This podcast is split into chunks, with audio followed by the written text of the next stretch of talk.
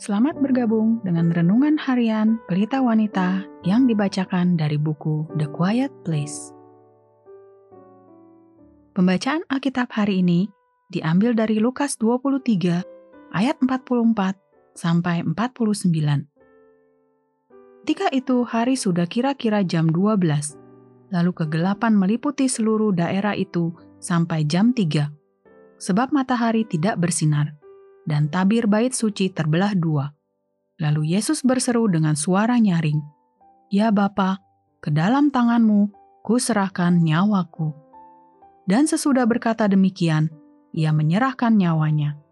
Ketika kepala pasukan melihat apa yang terjadi, ia memuliakan Allah katanya, Sungguh, orang ini adalah orang benar. Dan sesudah seluruh orang banyak yang datang berkerumun di situ untuk tontonan itu, Melihat apa yang terjadi itu, pulanglah mereka sambil memukul-mukul diri.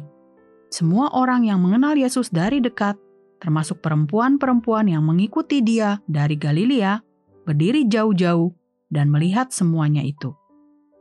Ayat kunci hari ini adalah Lukas 23 ayat 46. Lalu Yesus berseru dengan suara nyaring, Ya Bapa, ke dalam tanganmu kuserahkan nyawaku.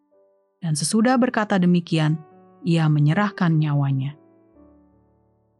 Pernyataan tentang iman kepercayaan.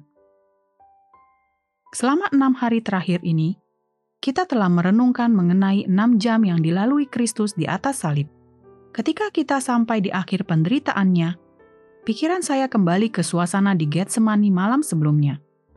Yesus ada di sana bersama murid-muridnya yang mengantuk, yang berjuang untuk tetap terjaga selagi dia menghadapi kesedihannya sendiri. Ketika ia kembali untuk membangunkan mereka yang ketiga kalinya, Yesus berkata kepada mereka, "Lihat, saatnya sudah tiba bahwa Anak Manusia diserahkan ke tangan orang-orang berdosa." Matius 26 ayat 45.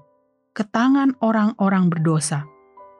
Betapa luar biasa Tuhan kita, pencipta langit dan bumi rela membiarkan dirinya jatuh ke dalam tangan-tangan ciptaannya yang sombong dan keji untuk disiksa, dituntut, dicaci maki, dan pada akhirnya dihukum mati. Namun di sini, dengan nafas terakhirnya, dia membuatnya jelas bahwa dia bukan mati martir di tangan manusia. Hidupnya, seperti hidup kita, ada di dalam tangan Allah. Seringkali kita mendapati diri kita kesal dengan penyebab orang lain, keadaan, dan peristiwa yang tampaknya menghancurkan hidup kita, membuat segalanya begitu sulit dan tak tertahankan bagi kita. Tetapi pada akhirnya, kita tidak berada di tangan orang lain dan tidak di dalam rancangan keberdosaan mereka. Hidup kita tidak diatur oleh sekedar kebetulan atau keadaan di sekitar kita.